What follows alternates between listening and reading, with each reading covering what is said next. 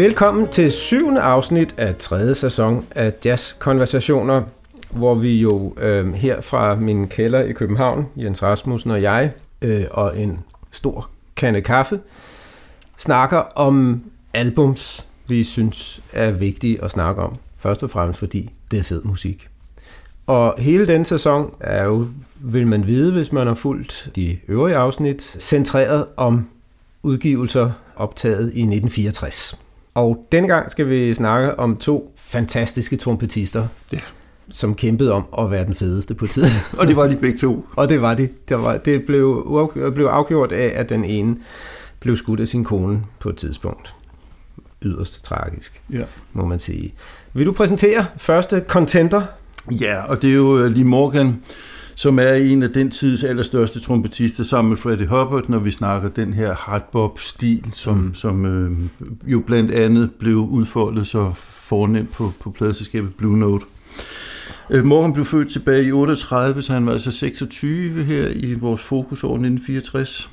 Udviklede sig ret hurtigt, en talentfuld ung mand. Øh, som 18-årig kom han med i Dizzy Gillespie's Big Band, og debuterede samme år på Blue Note.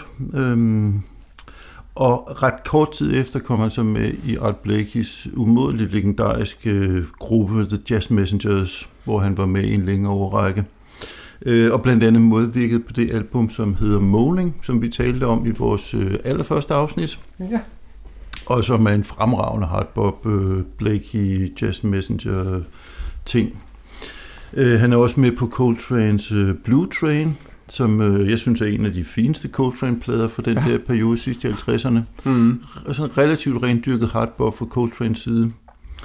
Øh, og så havde han jo, som så mange andre desværre, nogle store problemer med stofafhængighed. Han var heroinafhængig, og havde derfor en, en periode på små to år, fra sådan sidst i 61 til midt i 63 eller et eller andet, hvor han sådan stort set var ude af gamet.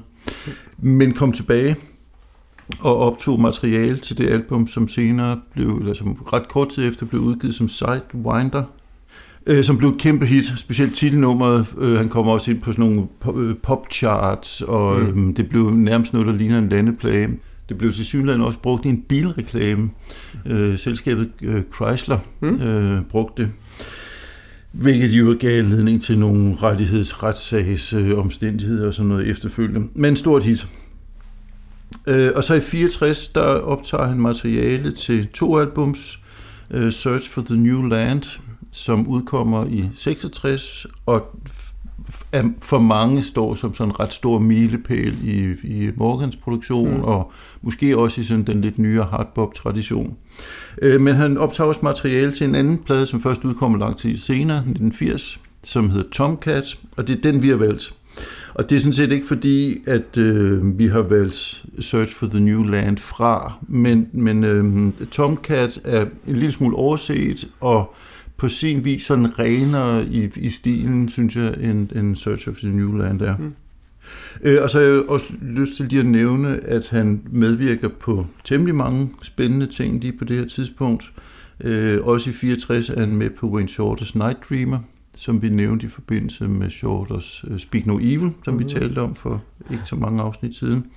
Uh, han er igen med inde hos uh, Art Blakey, hvor der blandt andet kommer en udgivelse, der hedder Indestructible, som er ret fed. Mm. Og så en lidt spændende, sådan lidt atypisk uh, Art Blakey-aftapning, som hedder Smake It, hvor det lidt usædvanlige er, at den er optaget lige efter Wayne Shorter er holdt op hos Blake, er kommet med i Miles Davis gruppe, Mm. og så bliver pladsen overtaget af John Gilmore, som vi jo talte om i forbindelse med Sun Ra, Ja. og som i Sun Ra-regi gør sig bemærket som en meget ekspressiv, meget eksperimenterende, meget interessant, men også sådan ret usædvanligt, til sider ret usædvanligt klingende til noget saxofonist. Det var diplomatisk udtrykt. Øhm, som jo, det fortalte du mig sidst, det var jeg ikke opmærksom på, tilbage i 50'erne havde spillet en del hardbop, men det Mm. mm. gjorde han faktisk også her i midt-60'erne, hvad jeg ikke havde været opmærksom på. Mm-hmm. Og det, det, det, det er sgu ret interessant. øh, Den her, det der kommer pludselig til der findes på YouTube en øh, optagelse, et enkelt nummer, med præcis denne her, det her outfit med Lee Morgan og John Gilmore. Det Okay. skal vi prøve at huske at linke til i Ja. show notes. Yes, yes. Fordi det er en meget det kortvarig formation med Gilmore og Morgan i Jazz Messenger. Ja. Og Curtis Fuller, ikke? På, på ja, så vidt jeg husker. Ja, det tror jeg også, ja. ja. øh, nå, og så laver han en masse gode plader derefter, og så er der jo den tragiske omstændighed, at han bliver skudt af en jaloux øh, hustru.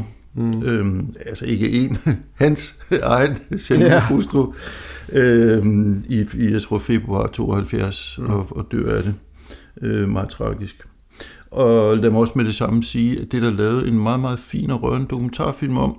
Ja. Jeg hører til dem, som synes, at dokumentarfilm, som handler mere om kunstneren end om kunsten, nogle gange kan være lidt anstrengende. Men den her er meget, meget fin. Mm. Den hedder I Called Him Morgan, ja. og består blandt andet af en del interviews med, med hans uh, enke, mm. som fik en relativt kort fængselsstraf, og selvfølgelig var pladet af det resten af livet. Ja. Øhm, meget fin film, som øh, vi, hvis vi kan linke til den, så gør vi det. Ja. Ellers så tror jeg, at den ligger på filmstriben eller ja. noget. Den er forholdsvis nem at finde. Mm. Nå, vi skal til sagens kerne, yes. som jo altså er albumet Tomcat, optaget i den 11. august 64. Øhm, vi har et interessant setup her. Vi har lige Morgan på trompet selvfølgelig. Vi har Curtis Fuller, som jeg nævnte før, på basun. Vi har Jack McLean på altsax. Alle sammen musikere, som har spillet sammen hos øh, Art Blakey, som også spiller trommer på den her plade. Og så har vi øh, Bob Crankshaw, som jeg ikke kendte så godt, men som var en ret øh, brugt bassist på det ja. tidspunkt, kan jeg forstå. Vi har lige været forbi ham med Joe Hendersons Inner Urge. Præcis, ja. Øh, og så har vi McCoy Tyner på klaver, som er... Et, en ret brugt pianist til gengæld. Ja, det må man sige, det må man sige, men også lidt, lidt usædvanligt krydderi lige præcis i den her kombi. Ja, faktisk. Øhm, altså, McCoy Tyner er jo super berømt for at være pianist i den store Coltrane-kvartet, mm. som blev etableret i 61, tror jeg, og, og ændrede formation i slutningen af 65. Men han spillede jo med alt muligt andre, ja. øhm, både samtidig med, at han spillede Coltrane og selvfølgelig efterfølgende. Ja. Øhm, og så synes jeg måske også lige, at vi skal nævne en ting, som jeg kom til at tænke på, at vi ikke så tit nævner, nemlig at der er jo relativt stor forskel på nogle af de her albums, hvor vi har en meget sammenspillet gruppe. Altså Miles Davis kvartetter for eksempel, det har spillet typisk i nogle år i træk, spiller mm. en masse live-koncerter. Øh, og Blakes Jazz Messenger, jeg nævnte før, ja. er også tit nogle konstellationer, som spiller utrolig mange jobs på turnéer og sådan noget, der hinanden virkelig godt at kende. Og så er der med studiegrupper, ja. hvor man sætter folk sammen til lejligheden. Ja. Og de er jo selvfølgelig ikke sammenspillet på den måde. Til gengæld så tænker jeg, at der er temmelig meget sådan ny dynamik og energi i simpelthen at få impulser fra ja. nye musikere. Med vekslende held, kan man sige, ikke? Men indimellem med, med virke, er det den perfekte, øh, kan man sige, kemi. Ja. Og man forestiller sig også, at de, øh, eller det lyder som om, at de også har været øh, indimellem kompositorisk lidt mere øh, eksperimenterende ja. øh, og, og modige. Ja. Og andre steder kan man sige, hvor man hører det, det, det har bare været en undskyldning for at tjene nogle penge, så vi kaster nogle tilfældige riffs ind, og så spiller vi over det. Og samtidig bliver det fedt, og samtidig mindre. Ja. Og nogle gange er det udtryk for, at man sådan virkelig tager sig LP'en som sådan et, altså et, et koncept, et album, en besætning, en type kompositioner, som ligesom er lavet mm. til, til lige præcis den, den ja. konstellation. Jeg tænker også, at du som udøvende musiker må opleve den der forskel. Altså dem, man spiller meget sammen med og virkelig sammenspillet, det må være helt anderledes end de der lidt hurtigere konstellationer. Ja, det kan man roligt sige. Jeg, jeg har jo ikke personlig øh, øh, adgang til øh, pladeselskab og et studie på samme måde som øh, de folk her, som jo principielt bare kunne række op og sige, øh, jeg kunne godt tænke mig at lave min næste plade nu, for de var på kontrakt, nogle mm. af dem, ikke? og fik gode penge for det, efter, øh, af Blue Note i hvert fald, efter tidens målestok. Ja. Øhm, hvor, hvor vi nu om dagen jo altså selv skal spinke og spare øh, og søge fonde. Øh, og laver man en plade, så har man med forberedt det længe. Ikke? Mm. Men det kan måske så sammenlignes med de der øh, mere eller mindre jam opståede orkester, ja. som vi spiller med ind imellem også. Ikke? Øh, hvor der netop kan ske ting, som man øh, ikke troede kunne ske lige pludselig. Mm øh, som er forskellige for det, der sker, når man har spillet længe med et band, ja. og, og kender hinanden ud og ind. Ikke? Der, der er fordele ved begge dele. Og er det ikke også sådan, at man nogle gange kan opleve, at musikere, man ikke har spillet sammen med så meget tidligere, ligesom kan få noget, noget andet frem i en selv? Jo, præcis. Det forestiller mig. Jo. Ja. Det er rigtigt. Nå, det blev en lidt lang parentes. Ja. Første nummer på Tomcat, det er titelnummer, det hedder Mm. Tomcats, og øh, der skal vi høre en tre minutters penge, lidt Mm. mere. Og det er et meget karakteristisk nummer for den her tid. Øhm, lytterne skal dels bemærke, det er svært at lade være, men bemærke den meget, meget fremtrædende basslinje, der er. Mm. Det var helt utænkeligt tilbage i 50'erne med sådan noget. Men her der er det meget, meget tydeligt. Og det er en ting, der bliver tydeligere og tydeligere i jazzens historie. Ja. Davis og alle mulige andre begynder sådan at arbejde meget med bassen som sådan fremtrædende. Altså ikke bare bassinstrumentet, men basstemmen i musikken som, ja. som fremtrædende element. Og her der får vi først øh, den her basslinje, og så kommer der et tema ind over, typisk sådan hardbop tema, men her jo i kombination med det her, den her bassfigur, så vi næsten får sådan en to, tostemmig øh, konstruktion faktisk. Ja. Og derudover så har vi tema, som sådan langsomt bygger op, og Lee Morgan begynder den første solo, som også bygger sådan op dynamisk, så, så forløbet starter ret afdæmpet og kulminerer faktisk først, hvad ved jeg, to og et halvt minut inden eller et eller andet, Mm. inden i, i Morgans solo. Ikke? Ja. Så der er sådan en lang dynamisk opbygning her første nummer, som er enormt virksom og tænker jeg relativt ny på det her tidspunkt. Hvis vi ser bort fra Big Band, så kan der ikke være så mange, der har lavet musik på den her måde før. Nej, måske ikke. Det, det skal jeg ikke kunne sige. Du har muligvis ret. Lad os satse på, at jeg måske har ret. Lad os høre på det. Yes.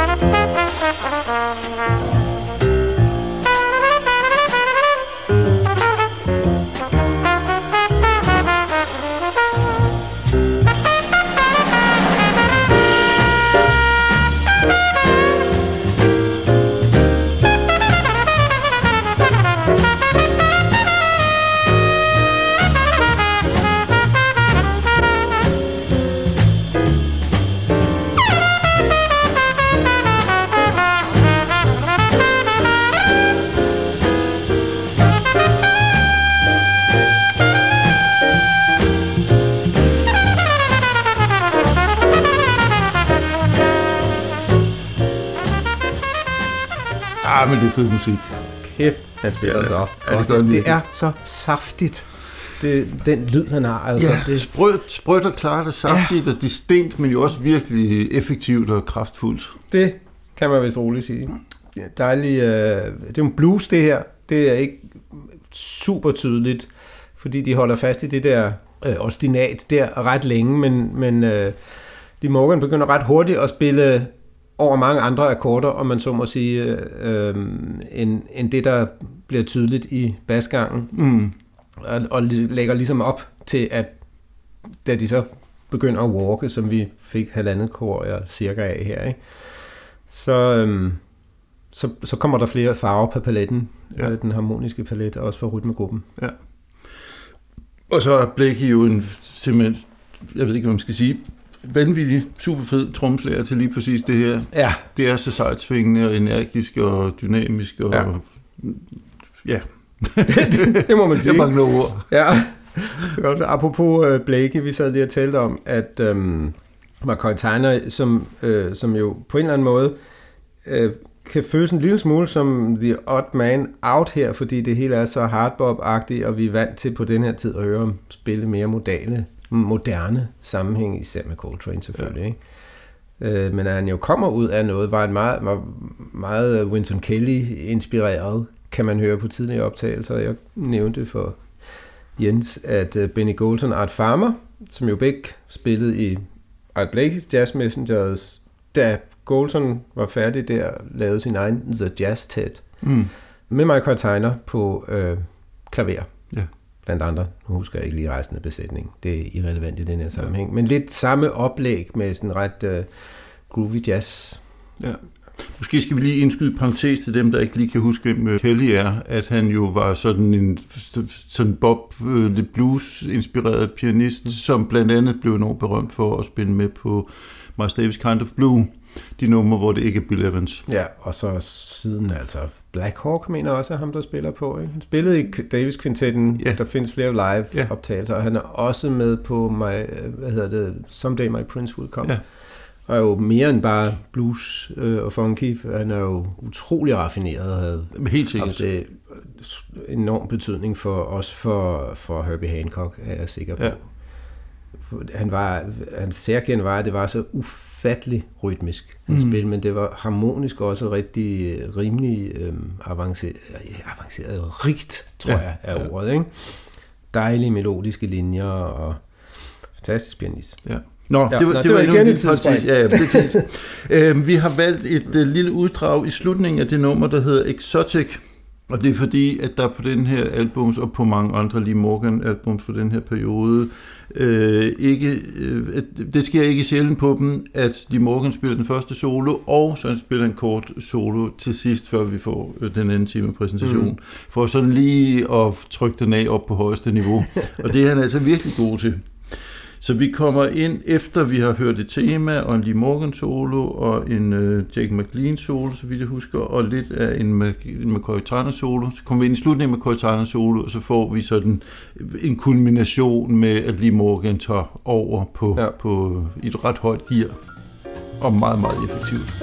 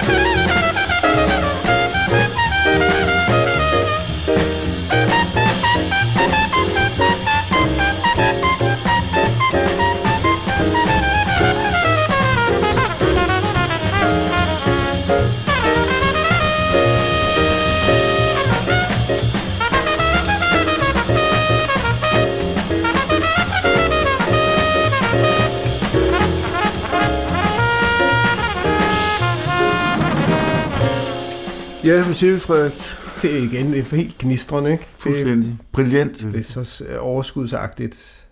Det er så dejligt trompet. Jeg elsker det.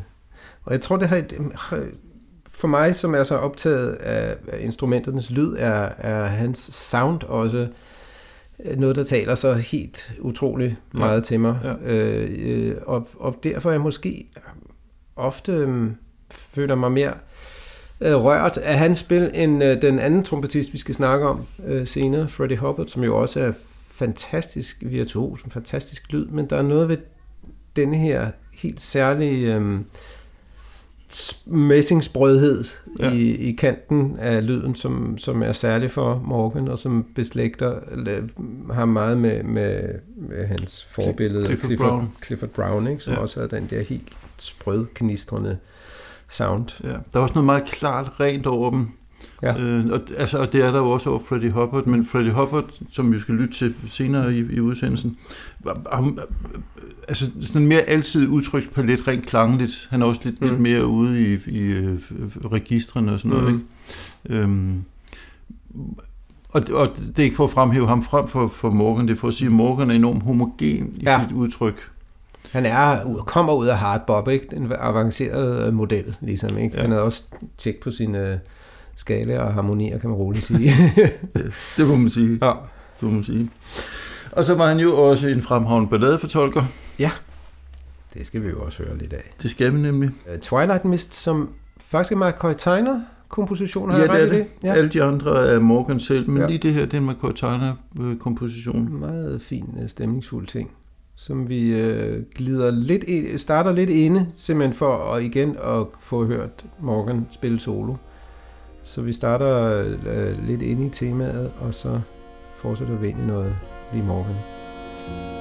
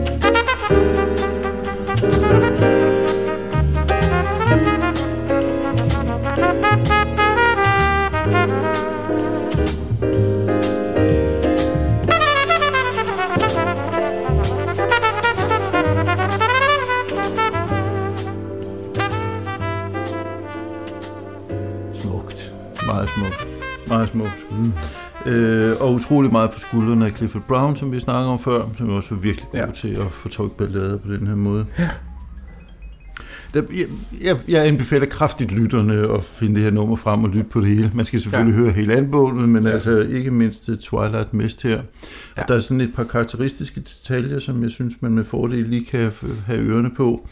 Mm. Vi har snakket et par gange om, at Cortana forbinder via rigtig mange utrolig meget med øh, Coltrane-kvartetten, og det her meget sådan kraftfulde spil, øh, kvartstabler, og der, der er sådan nogle forskellige sådan ret effektive, kraftfulde klavertræk, ja. som man er ret kendt for. Men han var også utrolig god til de her følsomme, lidt romantiske ballader. Ja. Øh, Og Coltrane spil lavede jo selv to virkelig gode balladealbums. Dels det, der hedder Ballads, og det, der hedder With Johnny Hartman. Mm. Øhm, hvor McCoy Tyner også virkelig viser, hvor fin en øh, balladepianist han var. Ja. Og så er der en anden ting, øh, nemlig at de jo starter i det her langsomme balladetempo, og det fortsætter teknisk set hele vejen igennem, men de går op i det, der hedder dobbeltfeel, hvor ja. man altså kortskiftende er i samme tempo, mm. men den rytmiske fornemmelse bliver noget, der opleves som dobbelttempo, ja. som, giver, som løfter musikken og giver lidt liv, samtidig ja. med, at det er en rolig, stille øh, ballade. Man kan som solist, om man så må sige, øh, er frit stillet til at øh, forholde sig øh, helt afslappet til det, der foregår nedenunder på den her måde. Man kan både gå ind i den her mere dobbelte, øh, marcherende, gående øh, måde at spille på, øh, eller man kan læne sig tilbage og ligesom bare bevare ballade øh, feeling med de lange toner. Der ja. opstår nogle lidt flere muligheder der, som kan være som kan være ret skønne. Ja, og det udnytter de Morgan jo her virkelig fint. Det kan man roligt sige, ja. Øh, sådan mere romantisk øh,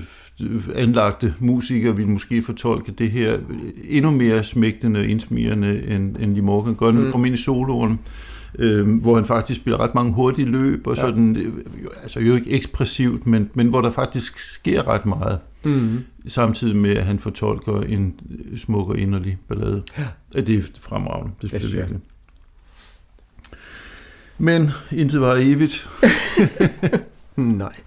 Vi bliver nok nødt til at forlade Tomcat og Lee Morgan. Det gør vi.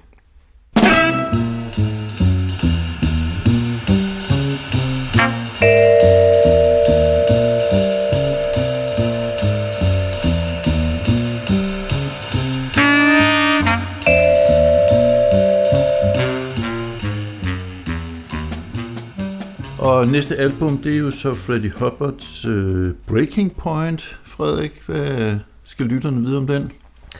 Altså først skal de vel vide lidt om Freddie Hubbard, som vi jo det skal har, de. har allerede snakket lidt om øh, i første afdeling her. Han var øh, også for 38, ligesom Lee Morgan. To måneder ældre end Lee Morgan. Og han og jeg deler øvrigt fødselsdag, 7. april. Sjov nok, det har jeg lige opdaget. Det synes jeg er sjovt. Det er, vist, det er en meget væsentlig detalje, synes jeg. Bestemt. Ja.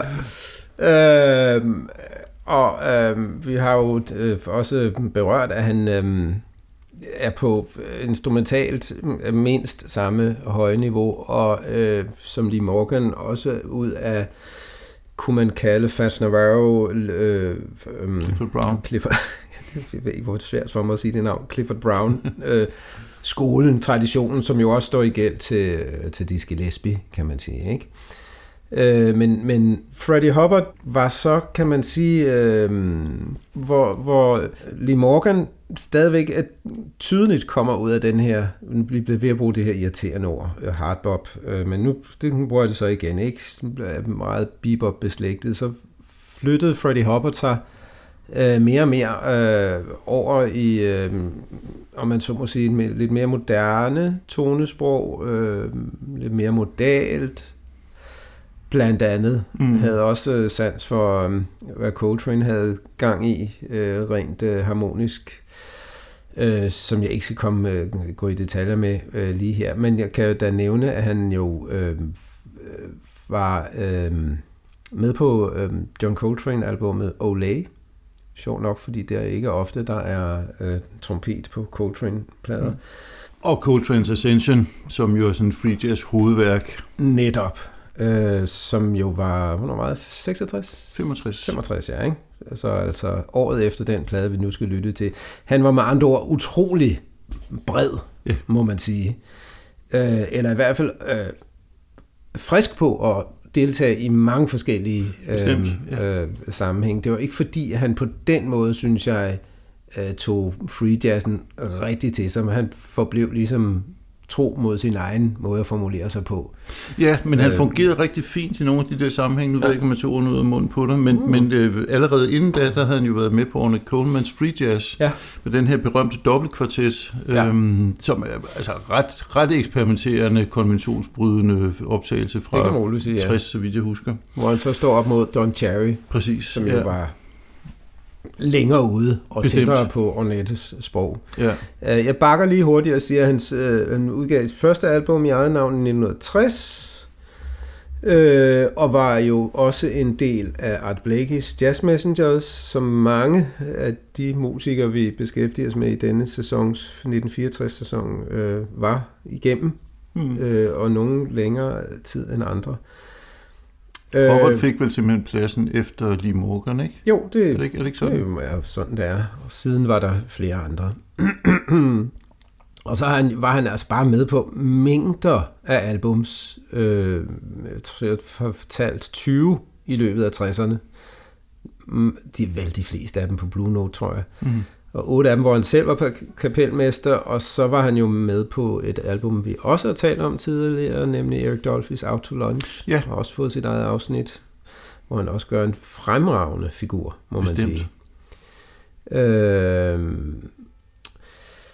og så øh, kørte det for ham øh, op gennem 70'erne, og en, udgav en øh, lang række albums, og fik en Grammy for det album, der hedder First Light, øh, hvor og begyndte ligesom at indoptage øh, elektrisk musik og øh, beat og rock influencer og sådan noget. Øh, og der var også nogen, der så stod lidt af på ja. hans musik der, og synes, ah, nu blev det lidt for lækkert, ikke? Det vil nok være en del, der mener, at han toppede rent kunstnerisk i, i 60'erne. Ja, det vil, vi er også, vi jazzpoetaner, vi holder os til hans 60'er produktion. Uh, han var også med i, i den der supergruppe VSOP, som den blev kaldt, uh, med, med, med det, man kunne kalde uh, Miles, Miles Davis-gruppen Davis. uden Miles Davis. Ikke? Ja som, øh, som var sådan en, øh, ja, netop en gruppe, der, der spillede rundt omkring på store festivaler og, og træk øh, kolossale publikumsskare til. Jeg, jeg hørte dem en enkelt gang, og jeg brød mig ikke specielt meget om det. det. Det var på trods af, at de jo havde lavet stor musik sammen, alle sammen i 60'erne, så blev det noget mærkeligt. Det blev lidt gammeldags på en eller anden måde. Jeg synes, det var sådan lidt en buller jazz, og ja. Tony Williams spillede utrolig kraftigt hele tiden. Og, ja. altså, det var lidt... Øhm, han har også, øh, Freddie Hubbard, øh, lagt trompetsoloer på Billy Joel og Elton John albums der i 80'erne og 80'erne. Ja, det må man godt. Se, det, øh, han, han øh, nåede øh, vidt omkring. Så kan man sige, at han jo altså øh, måske i højere grad end, end Lee Morgan, og det kan så også være, fordi han fik lov at leve lidt længere, øh, har været utroligt øh, influerende på, på moderne trompetspil.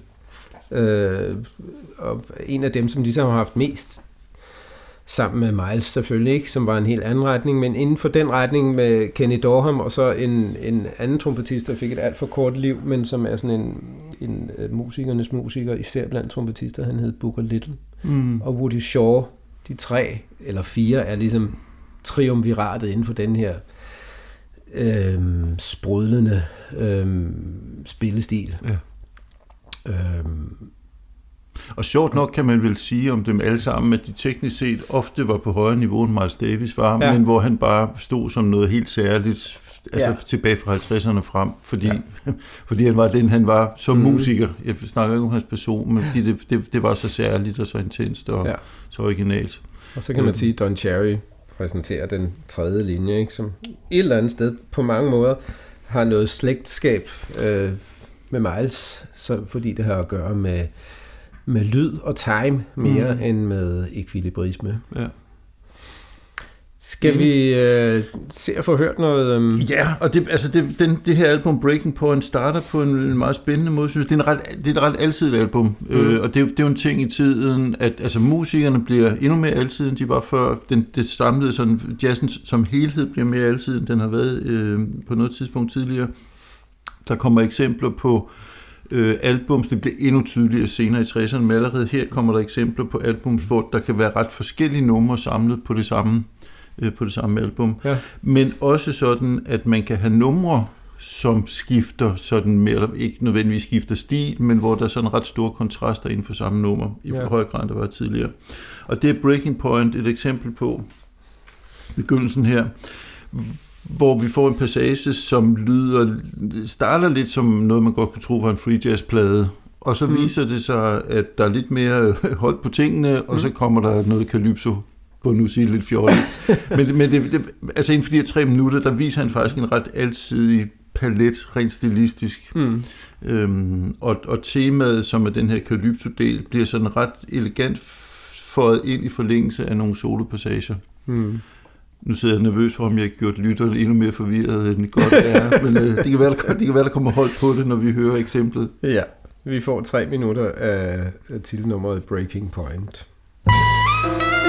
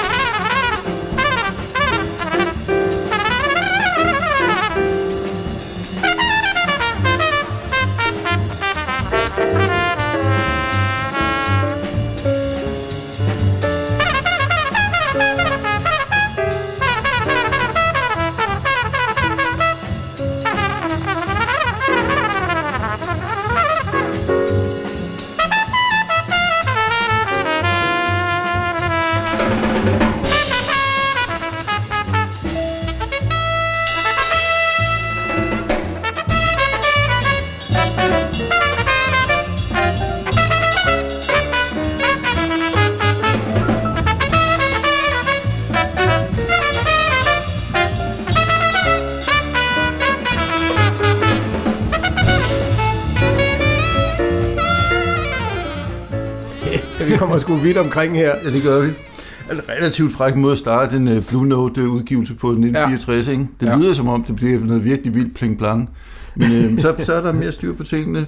Og så får vi jo øh, Calypso-inspiration her, som Mhm. jo også var en ting i tiden, som vi måske Ja. ikke har så mange eksempler på i vores øh, sæson her, men, men som blev mere og mere sådan øh, populær i forskellige musikalske kredse. Ja, jamen. Jeg fik, øh, fik ikke lige øh, sagt, hvem der ellers er med på albumet, så det skal jeg lige skynde mig at gøre, mens øh, vi er her. Jeg starter bagfra Joe Chambers, som er en tromslager, jeg personligt holder meget af. Meget øh, avanceret. Ja. Øh, jeg er ikke med på så helt så mange som, når jeg Elvin Jones og Tony mm. Williams og Jack DeJohnette og sådan nogen. Han er også en my yngre end de andre. Altså, Ja, ja, det jeg, jeg jeg var kun tro, ikke? 22 her, og det, vil- jeg tror, det er en af de første udgivelser faktisk med ham. Ja. Ja. Øhm, det skal nok passe, ja. Han er med på en række øh, virkelig fremragende Wayne Shorter udgivelser. Adams Apple, mener jeg, og måske også et cetera. Okay. Øh, virkelig gode. Øh, Som er fra 60'erne, så vidt jeg husker. nemlig, ja, ja, nemlig, ikke? Som lige et par år senere. Øh, så er det bassisten Eddie Kahn, en også af de mindre kendte, men øh, og så pianisten Ronnie Matthews, også ret ung på det her tidspunkt. Ja. Jeg, jeg kender ham ikke særlig godt, men han er et virkelig interessant bekendtskab. Ja, han er rigtig god. Øh, han, han lyder mange steder her utrolig meget som McCoy Tyner, men Ja. så er der sådan lidt, der er lidt flere kanter. Der er sådan lidt Monk, måske lidt øh, Andrew Hill, som vi har været ja. inde på tidligere. Ja. Øhm, og, og sådan lidt mere alsidigt udtryk faktisk ja. med Tyner. Ja, fin pianist. Og så endelig øh, altsaxonisten James Spalding, som jeg faktisk holder meget af. Han er ikke specielt kendt i egen ret. Det er ikke meget, han har... Det er ikke hans egen udgivelser, man ligesom kender ham fra. Til gengæld var han utrolig brugt studiemusiker. Ja. Øh, både på, altså kommercielt, men også på, på øh, mange rigtig gode albums. Igen øh, med på et øh, par Wayne Shorter albums. Øh, og meget andet Ja. i tiden, og var en rigtig fin solist, Jamen, jeg synes er jeg. helt enig, ja. Altså han er sådan en, jeg har kendt rigtig mange år som navn, men faktisk Ja. ja. ikke rigtig sådan har, jeg har ikke rigtig haft nogen fornemmelse af, hvordan han egentlig lød, før, Nej. før vi sådan lyttede ind på dem her. Han- Jeg synes, han er virkelig godt bekendtskab. Og desværre får vi ham så ikke så meget at høre i denne udsendelse, men hvis man vil høre noget god James Spalding, så lyt til Breaking Point. Og så spiller han jo altså også fløjte her, Ja. og det, det er en virkelig fin kvalitet ved den her plade. Altså man kan sige, det setup, du har nævnt indtil videre, altså trompet, alt sax, klaver, bass, trommer, er jo en virkelig kendt og, og øh, afprøvet model. Ja. Men tilføjelsen af fløjte gør altså noget virkelig godt, og altså dels så spiller han nogle altså, virkelig fede fløjtesoloer. Det er ikke Ja. så tit, jeg siger det, men det, det, altså, det, han, spiller virkelig Ja. en prober tværfløjte. Øh, og så er der nogle temapræsentationer, der lyder vildt fedt, fordi de spiller trompet og fløjte sammen. Ja. Og jeg ved ikke, om, det, om de arrangerer det på en lidt tricky måde, eller eller andet. Det, altså, det lyder virkelig godt. Jeg er enig. Det, det er vel bare godt arrangeret og, og godt spillet. Der, er- der er jo det med tværfløjte, at øh, det er meget nemt at stemme for højt på den, hvilket de fleste øh, biinstruments øh, fløjtenister øh, så også troligt gør. Men, men netop fordi han jo, hans force er at være dygtig studiemusiker, så kan han simpelthen spille sit biinstrument fløjten. Han kan sikkert også alle mulige andre Mm. øh, virkelig godt. Øh, Dolphy stemte måske heller ikke helt øh, i skabet, men var jo til gengæld øh, havde en personlig bud på det, ja. Ja. og han var en anden i tiden, Bestemt. som, øh, som, som igen øh, spiller han jo også fløjte på førnævnte øh, Autolunch. Autolunch album. Øh, Der er en ting, jeg lige har lyst til at spørge dig om, Frederik.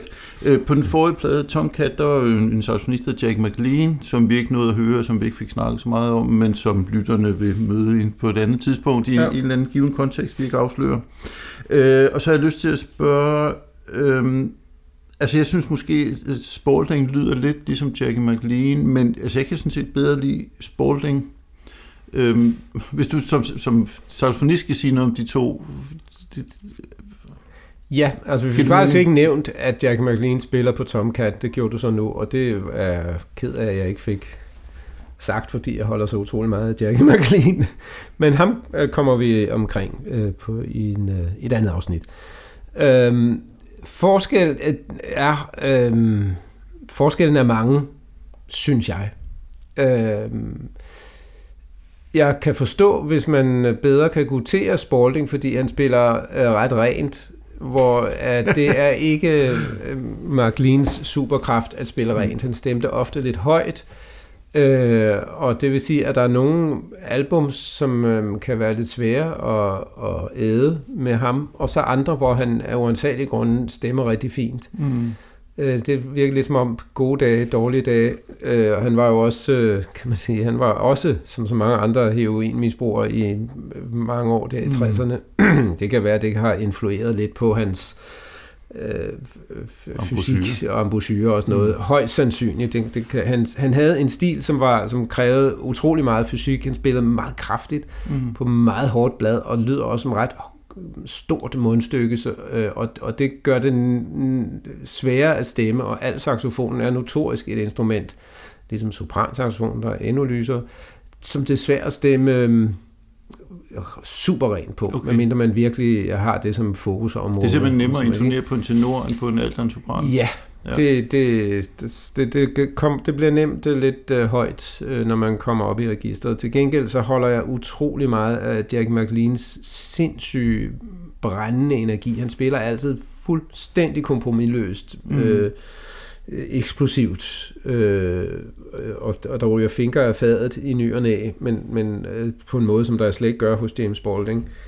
Øh, så, så skal man bare have en behagelig øh, kvalitetsoplevelse, så er James Balding nok valget, hvorimod man, man får mere, synes jeg, på godt og ondt med, Ja. ja. med McLean. Yes. Men det, kan, det, det skal jeg nok øh, bruge mere tid på, når vi kommer forbi ham på et tidspunkt. Yes. Vi skal også tilbage til Breaking Point. Ja. Øhm, og det andet eksempel, vi har valgt derfra, der kommer vi til at høre selv samme Spalding på fløjte. Ja. Øh, og jeg har uden at sådan lave særlig meget research på det, udviklet en lille teori om, at øh, fløjtens, øh, fløjten var en lille smule på mode i 60'erne, tror jeg. Vi har mødt den øh, flere steder. Ja. Og øhm, der, der er et eller andet med den her temapræsentation i det nummer, vi skal høre, som hedder Mirrors, som for mig oser utrolig meget af midt-60'erne. Mm. Og det, det har blandt andet noget at gøre med den måde at bruge fløjte på i, i temapræsentationen. Mm. Det, skal vi lytte til det? Ja, lad os det.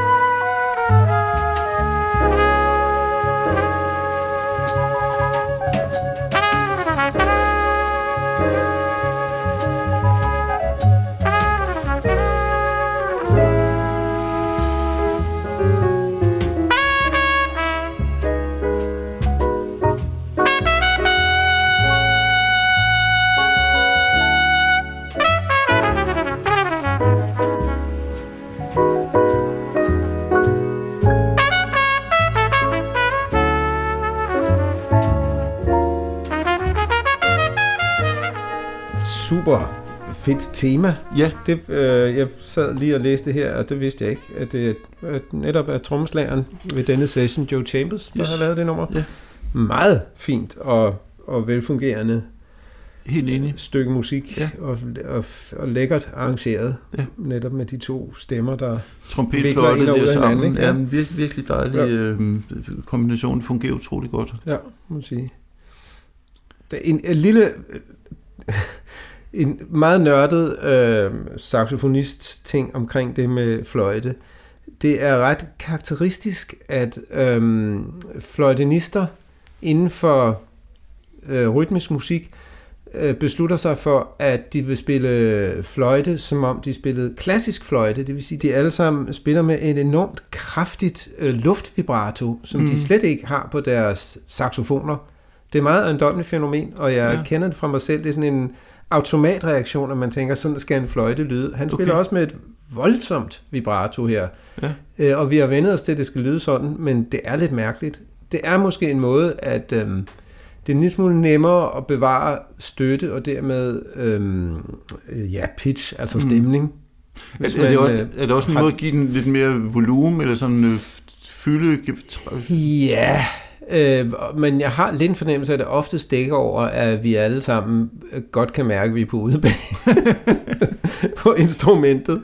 Og I falder tilbage til jeres musikskoleerfaringer fra ja, teenageårene. Ja, jeg gør godt med vibrato på, så skal det nok lyde så overbevisende. Nå, det var ja. en, en, en, øh, en parentes. Ja. Jeg fik lige en tanke, øh, og det, det kan godt være, at den ikke holder, men nu præsenterer jeg lige, så kan du ja. minde noget om den. Ja. Øh, altså, der er meget stor forskel på, hvor, hvor kraftig en trompet og en fløjte spiller. Og jeg tænker, hvis vi nu var, var 10 år tidligere sådan en live-setting, så ville det ikke fungerer så godt at spille et, et sådan lidt et kraftigt tema, trompet og fløjte sammen, hvis ikke man kunne mærke det ordentligt. Nej, nej. Så spørgsmålet er, om, om det her, en af, hvis det er rigtigt, hvad jeg tror, at det bliver lidt mere almindeligt i 60'erne, om øh, studietekniske muligheder simpelthen er en af den, de grunde, der betinger det. Giver, vil, giver det mening? det, det er total mening. Jeg har ikke tænkt på det øh, på den måde før, men naturligvis er det, det give, give nul mening at øh, komme slæbende med sin fløjte til en almindelig øh, jazzklub med øh, mangelfuldt eller intet forstærkningssystem, mm, mm. og så prøve at trænge igennem. Øh, så, så det er nok slet ikke figureret på saxofonisternes øh, indre nethinder, at man må kunne. Begyndte at spille fløjte. Øh, og hvorfor Dolphy begyndte at gøre det i begyndelsen af 60'erne, øh, er muligvis. Han har hygget sig med det derhjemme, ikke? og så på et mm. tidspunkt har der været basis for at tage den med i studiet. Og, ja. og så sådan en som James Spalding har jo kunne bruge det, fordi han har spillet studiesessions hele ja, tiden, ikke? Yes, og ja. meget andet musik også. Og altså, der var jo fløjtenister tidligere. Vi tjekkede lige Herbie Mann, som, ja. som sådan kommercielt set blev et ret stort hit i 60'erne, debuterede allerede tilbage ja. i 50'erne, og har lavet ufattelig mange LP'er, faldt vi ja. ud af. Så der har selvfølgelig været fløjtenister før, men, men øhm, de, de, de får lov at udfolde sig lidt øh, mere kreativt og fylde lidt mere i det jazzmusikalske landskab her for 60'erne. Det må man sige, ja. Tro, tror vi nok, vi mener at have fejret. Ja. Det, det siger vi bare, ikke? Jeg har lyst til lige at knytte en enkelt kommentar til, til noget, som jeg, jeg nævnte tidligere, nemlig den store alsidighed, der er på den her plade. Mm. Øh, altså, nummer nummer to, som hedder Far Away, er meget sådan uh, Coltrane'sk. Det er jo ikke, fordi der er nogen af dem, der lyder som Coltrane, men der er noget i både tromspil og klaverspil og sådan selve kompositionen, som giver mig ret mange associationer til Coltrane-kvartetten. Mm. Øh, og så er der det tredje nummer, det, det er sådan en blues, sådan grænsende til det, jeg skulle til at sige banalt i hvert fald, sådan, øh, ikke voldsomt originalt, men med et mm. super fedt, virkelig effektivt tema. Mm. Øh, men ret forskelligt fra de to numre, vi har hørt, og, ja. og de to numre, jeg nævner her, altså det henholdsvis nummer, det andet og det tredje, anden og den tredje skæring på, på albumet er ret forskellige. Mm. Øhm, men det hænger fint sammen, og det, altså det er gode numre det hele. Øhm, men det er stilistisk set en ret alsidig udgivelse, ja. hvilket jeg er ret sikker på er tidstypisk, og bliver endnu mere tidstypisk, når vi nærmer os øh, slutningen af 60'erne og kommer ind i 70'erne. Dels fordi man havde, var optaget af mange forskellige ting, men igen også, tror jeg, som jeg øh, nævnte øh, i forrige afdeling her omkring uh, Lee Morgan, at uh, rigtig mange af dem gik i studiet for at tjene penge, mm. og så skulle man have nogle numre og indspille, ikke? så tog man ligesom ned fra ja. hylderne, hvad man havde liggende derhjemme. Det, det, det er ret få, øh, eller hvad skal man sige, det er mange album, hvor det ikke virker som om, der ligger en, en øh, særlig strategi for, hvordan det her album skal lyde. Vi har de her musikere, det må være samlende mm. kraft nok, og så har vi en antal numre, som er præget af, hvad øh, orkesterlederen på det tidspunkt var optaget af, og så øvrigt, at der skulle være nok til to gange 20 minutter. Ikke? Ja. Jamen, det bliver ret blandet. Ja, altså det, det, det har du helt sikkert ret i, at det er, en, det er en del af fortællingen. Jeg tror faktisk at også, der er en anden del af fortællingen, som handler om, at man specielt lige lidt senere, det er ligesom begynder at dyrke alsidigheden og mangfoldigheden. Ja. Altså vi har jo talt om, om uh, Keith Jarrett's tidlige plader, altså dels ja. hans debut fra 67, mm. øh, hvad hedder det nu, Between, Life Between the Exit Ja. Signs. Øhm, og i udtalt grad nogle af de ting, han laver fra 71, hvor det er altså ekstremt alsidigt, øh, rent stilistisk. Ja. Øh, og der er også sådan nogle, sådan nogle lidt mere øh, kommercielle udgivelser, hvor der indimellem kommer sådan nogle lidt syrede ting. Altså vibrafonisten Roy Hay, hvad hedder han, Roy Ayers. Tak. Roy Ayers, ja. Ja. Laver et par plader der i slut 60'erne, Mm. som er sådan, altså ret lyttervenlige og lækre og tenderer lidt pop, men hvor der også er sådan nogle free jazz ting indimellem. Mm. Øhm, så altså, det bliver en ting, det her med ligesom at blande genre og, og stilarter og mm. forskellige udtryk. Og, og min teori vil være, at det er en tendens, der allerede så småt viser sig her med Breaking Point. Ja, det er nok, nok tænkbart. Der, det, øh, øh, man kan sige, de tilfælde, hvor det føles som om, at der er en stærk samlende kraft og tanke omkring et album, er jo typisk der, hvor, det, hvor der er en rent udsagt, en rigtig komponist til stede, som for eksempel Wayne Shorters mm. Mm. Speak No Evil, som vi har talt om, ikke? Som jo, hvor vi også hører øh, inspirationer fra forskellige øh, steder øh, og tider, men helt klart et meget homogent produkt, ikke? Ja.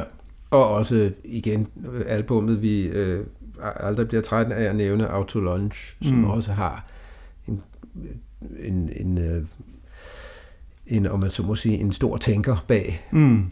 Bestemt. Mm. Ja.